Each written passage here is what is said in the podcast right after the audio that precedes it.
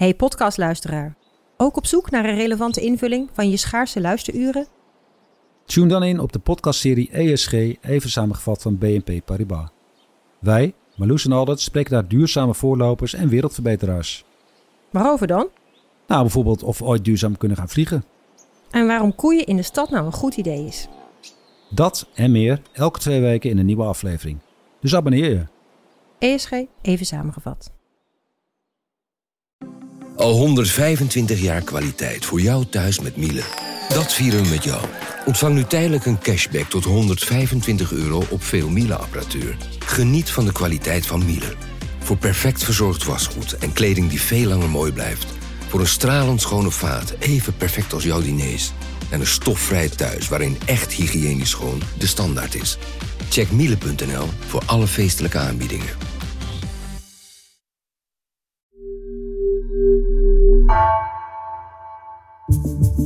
Vanaf de redactie van NRC het verhaal van vandaag. Mijn naam is Floor Boon.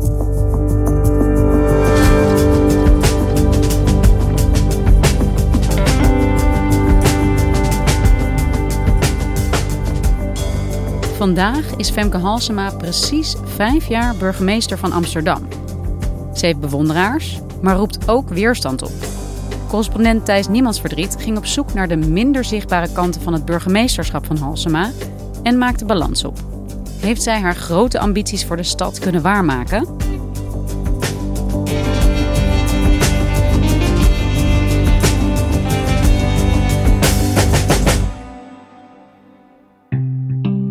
Precies vijf jaar geleden begon ik als stadsverslaggever in Amsterdam voor NRC. En dat was ook het moment dat Femke Halsema aantrad als burgemeester. Het is een ongelooflijk voorrecht om Amsterdam en zijn inwoners als burgemeester te mogen dienen. Ik ga mijn best doen. En uh, ik heb haar die afgelopen vijf jaar uh, nauwgezet gevolgd. En je kunt wel zeggen dat uh, de eerste vijf jaar van Femke Halsema behoorlijk turbulent zijn geweest. Er is veel op de afgekomen, veel gebeurd in Amsterdam. Er vonden twee ontwrichtende moorden plaats. Um, de moord op advocaat Dirk Wiersum. En dat is een heel belangrijk beroep in onze rechtsstaat. En dat moet hij veilig kunnen doen. En deze moord is een schok. De moordaanslag op Peter R. de Vries, misdaadverslaggever. Op dit moment weten we alleen dat hij zwaar gewond is en vecht voor zijn leven. En er was een pandemie die uh, de stad ook platlegde en waarbij enorm veel uitdagingen kwamen kijken. We hebben te maken met nieuwe maatregelen en nieuwe onzekerheid. Maar ook privé um, kwam ze in opspraak, althans haar gezin. Een jaar nadat ze was begonnen als burgemeester pakte de Telegraaf groots uit met het feit dat haar minderjarige zoon was gearresteerd.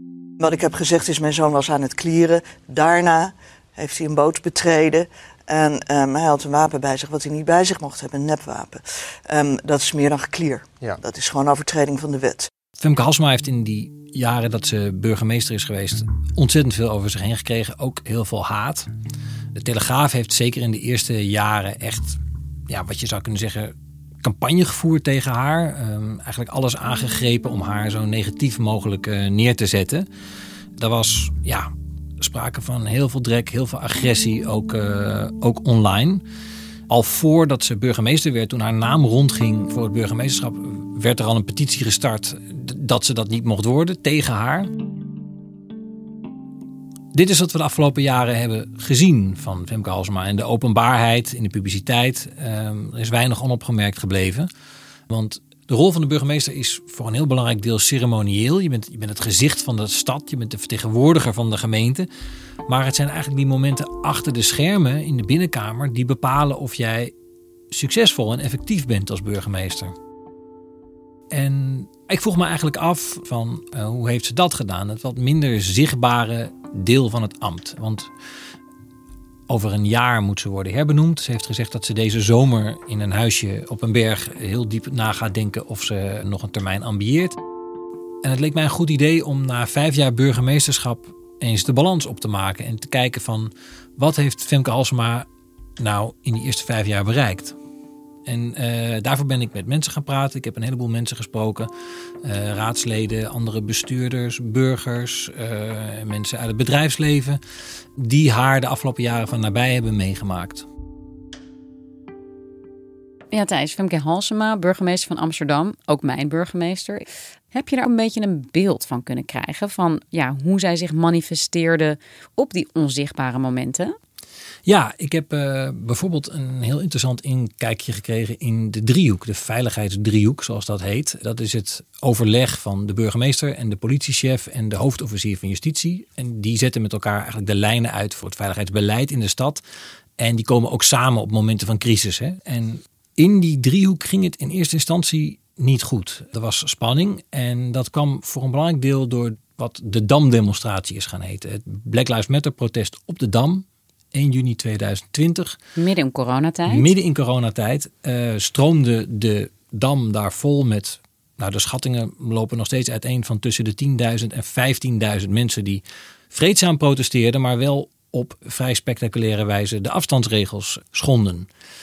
Halsma en de rest van de driehoek hebben toen niet ingegrepen. En die keuze heb ik inderdaad niet gemaakt. Nee. Dat vond ik niet verantwoord. Nee. Want daar komt namelijk bij dat de mensen die daar staan ook zelf verantwoordelijk zijn. En daar is ongelooflijk veel kritiek op gekomen. En wat eigenlijk minder bekend was, is dat in die driehoek, in die dagen daarna, het eigenlijk heel erg spannend geworden is. Omdat ze naar elkaar keken van, ja, uh, wiens schuld was dit nou? Uh, waarom is dit zo verkeerd gegaan? En het heeft een tijd geduurd voordat die verhoudingen weer goed waren. En ben je er ook achter gekomen wat Halsema heeft gedaan om dat weer goed te krijgen met elkaar? Nou, wat wel interessant is, is dat wat onder andere heeft bijgedragen tot het herstel van vertrouwen in de driehoek, was weer een ander protest. En dat waren de demonstraties op het Museumplein in de winter van 2021. Eh, de meeste mensen zullen het zich nog wel herinneren. De koffiedrinkers die daar samenkwamen, wat niet mocht. Uh, de ME die week in week uit het plein schoonveegde. En Halsema en de politiechef en de hoofdofficier die zaten dus 13 weken achter elkaar, iedere zondag, met elkaar in het commandocentrum van uh, het politiebureau in Amsterdam. Dat schept een band, want je zit daar urenlang achter elkaar. En ja, daar vertelde zij over. Na de eerste dag zei ik: Volgens mij is het goed verlopen. Ik miste alleen de bitterbal. En verdomd als het niet waar is, de week erop waren er bitterballen. Uh, je moet natuurlijk op de belangrijke momenten beslissingen nemen, maar er is ook, het is ook heel veel wachten. Uh, en dan voer je eens een goed gesprek met elkaar. Of je praat met elkaar over je muzieksmaak. We hebben ook de kieswijzer ingevuld. Er waren verkiezingen in die periode. En zowel de hoofdofficier uh, als de politiechef vertelden dat dit heel belangrijk is geweest in de onderlinge band. Dus um, een voorbeeld wat de politiechef gaf is dat zij echt zijn gaan werken op basis van vertrouwen. Dus hij heeft gezegd, ik ga vaker publiekelijk mijn fouten toegeven in het openbaar. Dat gaat de politie gaat dat eerder doen. En dat de andere kant van de deal was dat Halsema de politie publiekelijk zou dekken. En op basis van dat vertrouwen werken ze nu al een aantal jaar. En dat gaat echt heel goed. Uh, Halsema ondertekent de brieven tegenwoordig namens de hele driehoek. Als ze een brief stuurt aan de raad. Niet meer met alleen haar eigen naam en ambt.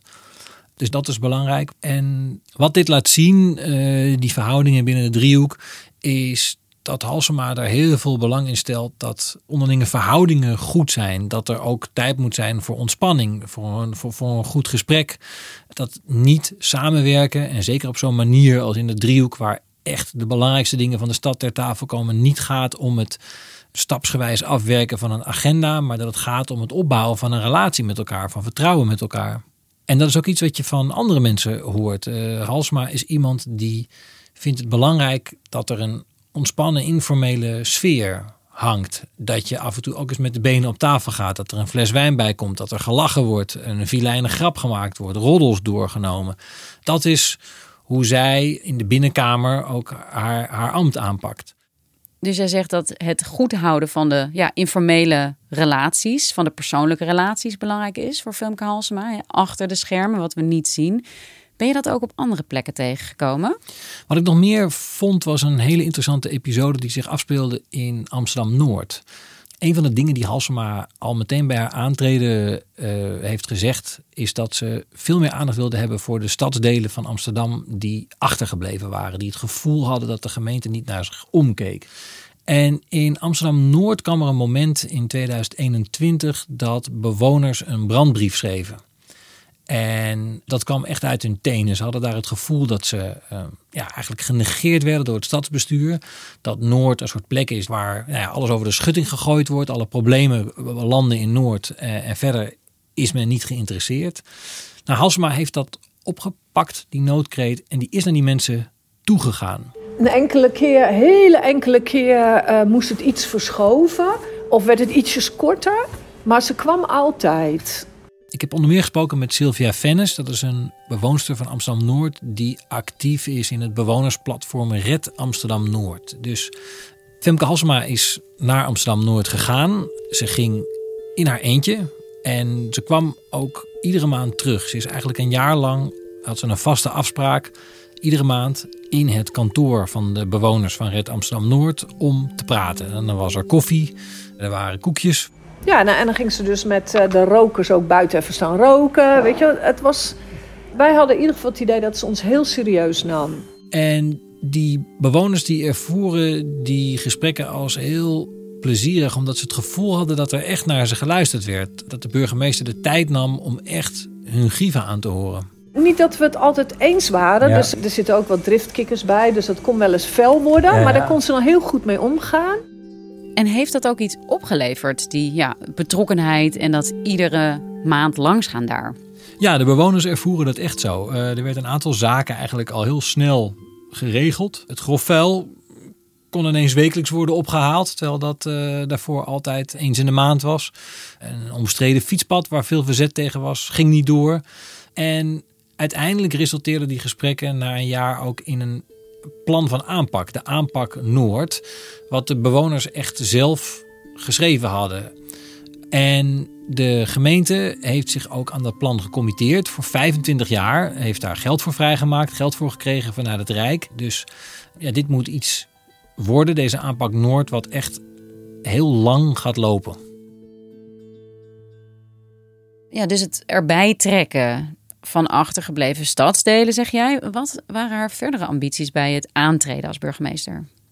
Op één specifiek dossier is Halsma heel uitgesproken geweest en heeft ze echt haar nek uitgestoken. En dat is uh, het massatoerisme in de binnenstad. Um, ze heeft eigenlijk als eerste burgemeester van Amsterdam heel duidelijk hardop gezegd dat het onacceptabel was hoe het daar nu aan toe gaat. En dan hebben we het met name over de wallen waar het eigenlijk iedere dag in de week en met name s'avonds een complete uh, waanzin is met Britse vrijgezellenfeesten die uh, uh, kotsend en schreeuwend langs de ramen trekken. En twee dingen die ze daar heeft geïnitieerd. Het eerste was dat ze wilde dat buitenlandse toeristen niet meer in Amsterdamse coffeeshops konden komen. Dat was een, ja, een heel ingrijpend plan, wat op heel veel verzet stuitte en wat uiteindelijk ook niet is doorgegaan. Is dat dan ook een nederlaag voor haar? Zelf wil ze niet spreken in termen van nederlagen. In haar omgeving hoor je dat zij het eigenlijk al heel goed vindt dat de zaak geagendeerd is. Dat hiermee een soort besef is gekomen van dat het niet kan. Uh, maar goed, je kan ook concluderen dat ze de nek heeft uitgestoken, een plan heeft gemaakt, daar heel veel politiek kapitaal in heeft gestopt. En dat dat gewoon niet doorgegaan is. Een ander plan is het zogenaamde erotisch centrum. Dat is een plan wat in de afgelopen jaren stapje voor stapje vorm kreeg. En dat is het idee dat Halsema wil dat een substantieel deel van de, van de raambordelen op de wallen gaat verdwijnen. En wordt ondergebracht in een gebouw buiten de binnenstad.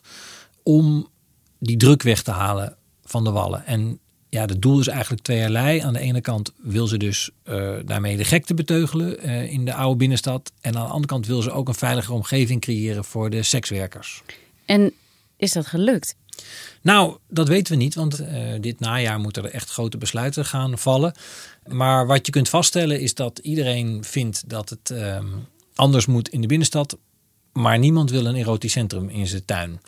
En dit voorjaar is er uh, ja, heel veel protest, heel luidruchtig protest ontstaan in de twee stadsdelen waar Halsema drie potentiële locaties heeft aangewezen voor het erotisch centrum. En wat je ook ziet is dat Halsema dit helemaal tot haar project gemaakt heeft. Dus ehm, zij ehm, trekt de kar en daardoor is het plan ook helemaal vereenzelvigd met haar persoon. En is dat nog ingewikkeld hè? als een burgemeester zich zo verbindt aan een plan dat ook kan mislukken? Nou ja, uh, wat je ziet is dat het kan botsen. Uh, want Halsma is een ambitieuze burgemeester die een aantal prioriteiten heeft gesteld. En wat je ziet is op het moment dat de harde keuzes gemaakt moeten worden, op het moment dat er echt plannen op tafel komen en knopen worden doorgehakt, dat dan die ambities met elkaar kunnen botsen. En dat zie je eigenlijk heel mooi gebeuren in Amsterdam Noord. Die bewoners die ik sprak, die, die waren zeer over dat te spreken, hadden het gevoel dat er naar ze geluisterd werd. En toen ineens werd een van de beoogde locaties van het erotisch centrum uh, bedacht in Amsterdam Noord. Op de dag zelf, hè? Was in de pers dat Noord ook een zoekgebied was voor het erotisch centrum. Toen is hij hier letterlijk binnengestormd. Van nou, dat wil ik even vertellen.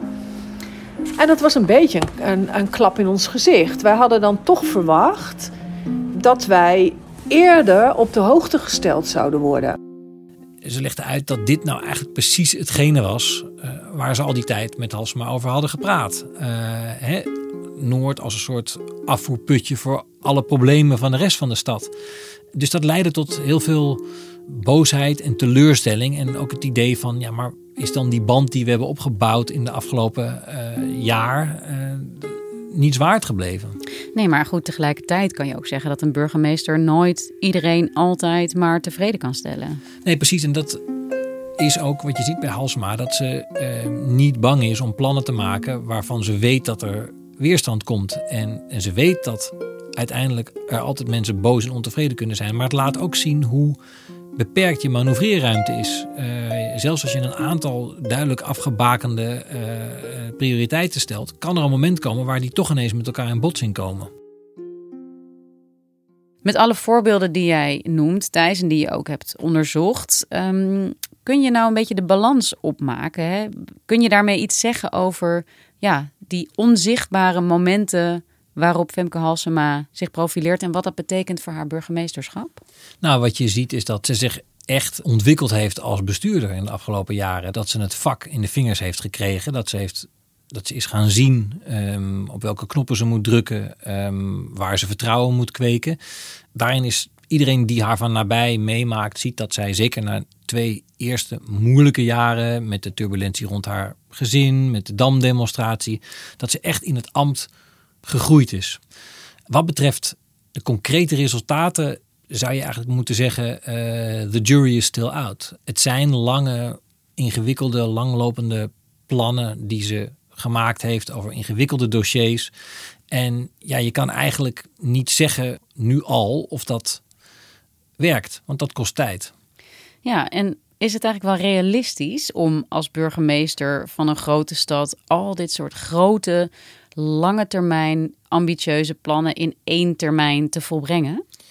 Uh, nee, en dat heeft Halsma ook altijd hardop gezegd. Uh, dit zijn niet uh, problemen die in vijf jaar, zes jaar zijn op te lossen. dat, dat gaat veel langer overheen. En dan kom je vanzelf bij de vraag of zij zelf verder gaat. Maar eigenlijk, als je iedereen die je spreekt in en op het stadhuis zegt dat, dat het eigenlijk vrijwel vaststaat dat zij zich nog gaat aanmelden voor een volgende termijn. Het is heel gebruikelijk dat een burgemeester voor een tweede of zelfs een derde termijn gaat. En in de raad ehm, zal haar die termijn ook geven. Dus als zij wil, dan wordt ze het.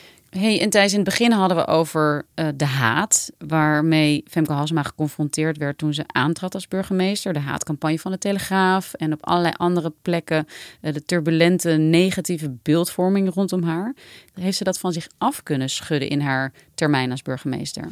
Ja, het is een patroon wat je de afgelopen jaren eigenlijk hebt zien terugkomen heel vaak. Toch het idee dat een progressieve vrouw in een positie van macht en invloed, dat die bij bepaalde mensen werkt echt als een rode lap op een stier. Dat, dat maakt heel veel los. En Halsema heeft dat in, aan den lijve ondervonden de afgelopen jaren.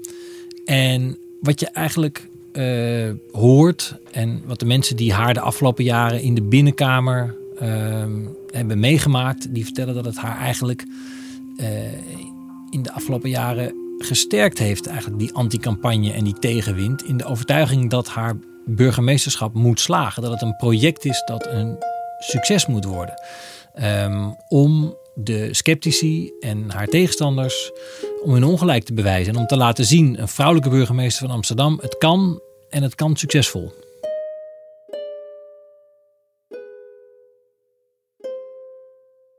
Dankjewel Thijs. Graag gedaan.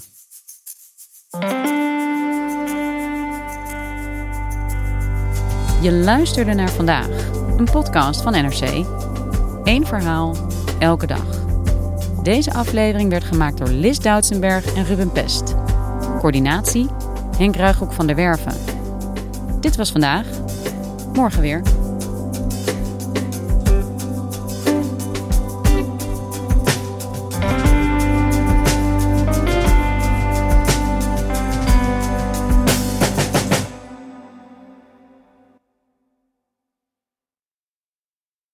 Technologie lijkt tegenwoordig het antwoord op iedere uitdaging. Bij PwC zien we dit anders.